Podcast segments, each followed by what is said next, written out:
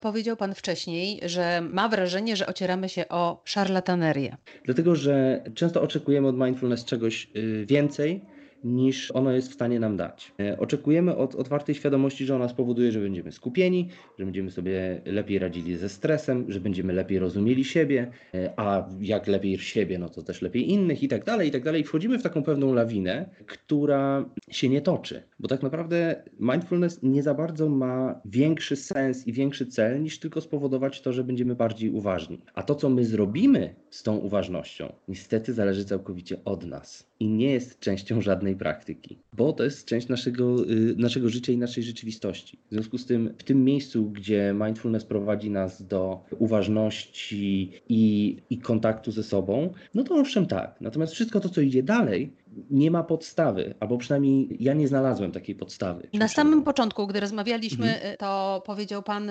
że mindfulness daje nam jednocześnie coś i jednocześnie nam nic nie daje. To miał Pan na myśli?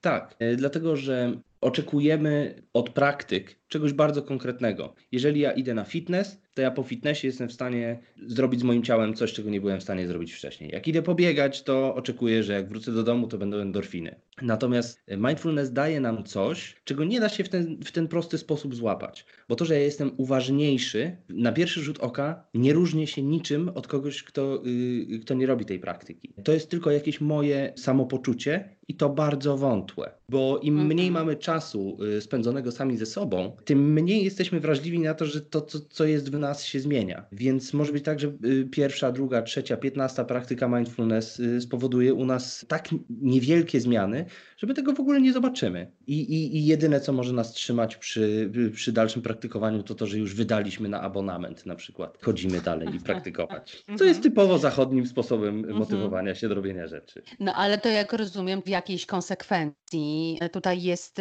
pies pogrzebany, skoro e, pierwsza, druga, trzecia, jak pan powiedział, może nam nic nie dać, e, to znaczy, że ta dziesiąta i piętnasta już może nam e, coś kazać. Myśląc o mindfulnessie jako narzędziu, e, wydaje mi się, że to tak jakbyśmy próbowali kluczem trzynastką przeciąć szybę.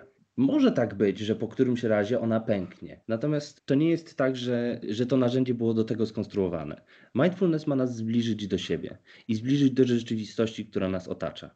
I tak długo jak ta rzeczywistość, która nas otacza, i my sami dla siebie jesteśmy interesujący i ważni, to praktyki mindfulness będą powodowały, że, że będziemy się zbliżać. Natomiast jeżeli my nie chcemy się y, zbliżyć, albo nie zdajemy sobie sprawy z tego, że pod wpływem mindfulness my się możemy zbliżyć do innych ludzi, albo zbliżyć sami do siebie, e, no to tak jakbyśmy szurali kluczem po szybie i marzyli, że ją przetniemy.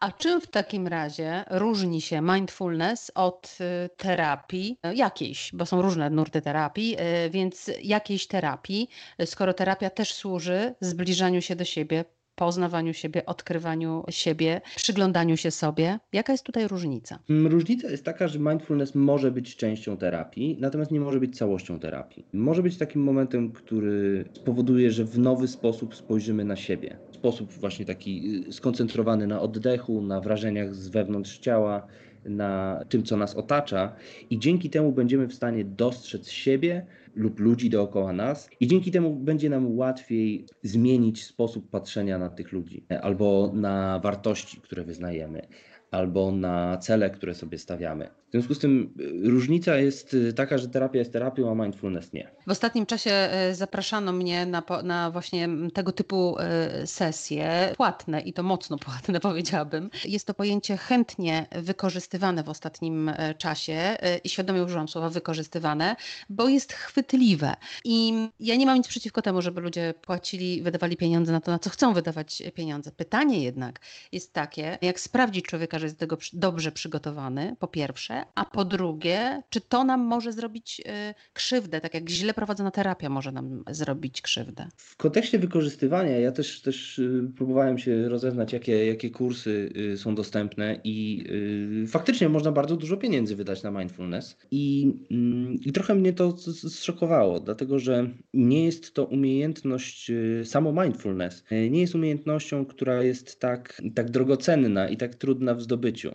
Trudniejsze jest to, co my z tym mindfulnessem potem zrobimy. I samo uruchomienie narzędzia nie jest problemem. Problemem jest to, w jaki sposób później z tego narzędzia korzystać. Jak idziemy na taki kurs, to mamy pewne wyobrażenie, ono jest nie do końca sprecyzowane.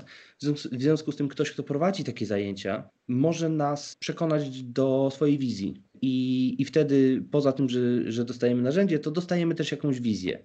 Mindfulness nie powinien łączyć się z wizją. Nie powinien dawać nam takiego zahaczenia w jakiejś ideologii albo w doktrynie religijnej. Powinien nas jedynie doprowadzić do tego, żebyśmy właśnie zrozumieli miejsce, w którym jesteśmy i to, jak jesteśmy w tym miejscu. Jeśli chodzi o wykształcenie, no to jesteśmy w takiej sytuacji, w której y, prawnie umocowany jest zawód wróżki, a nie psychologa. W związku z tym nie ma takiego doświadczenia, które mogłoby uprawniać kogoś do uczenia mindfulness.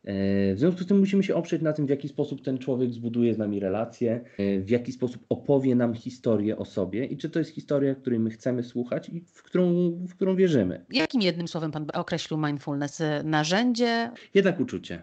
Jestem uczucie. psychologiem emocji i motywacji, w związku z tym dla mnie to jednak jest uczucie. No więc mam nadzieję, że udało e, się nam w jakiś sposób przynajmniej to uczucie, e, jakim jest mindfulness, przybliżyć. Bardzo Panu dziękuję za rozmowę. Dziękuję również.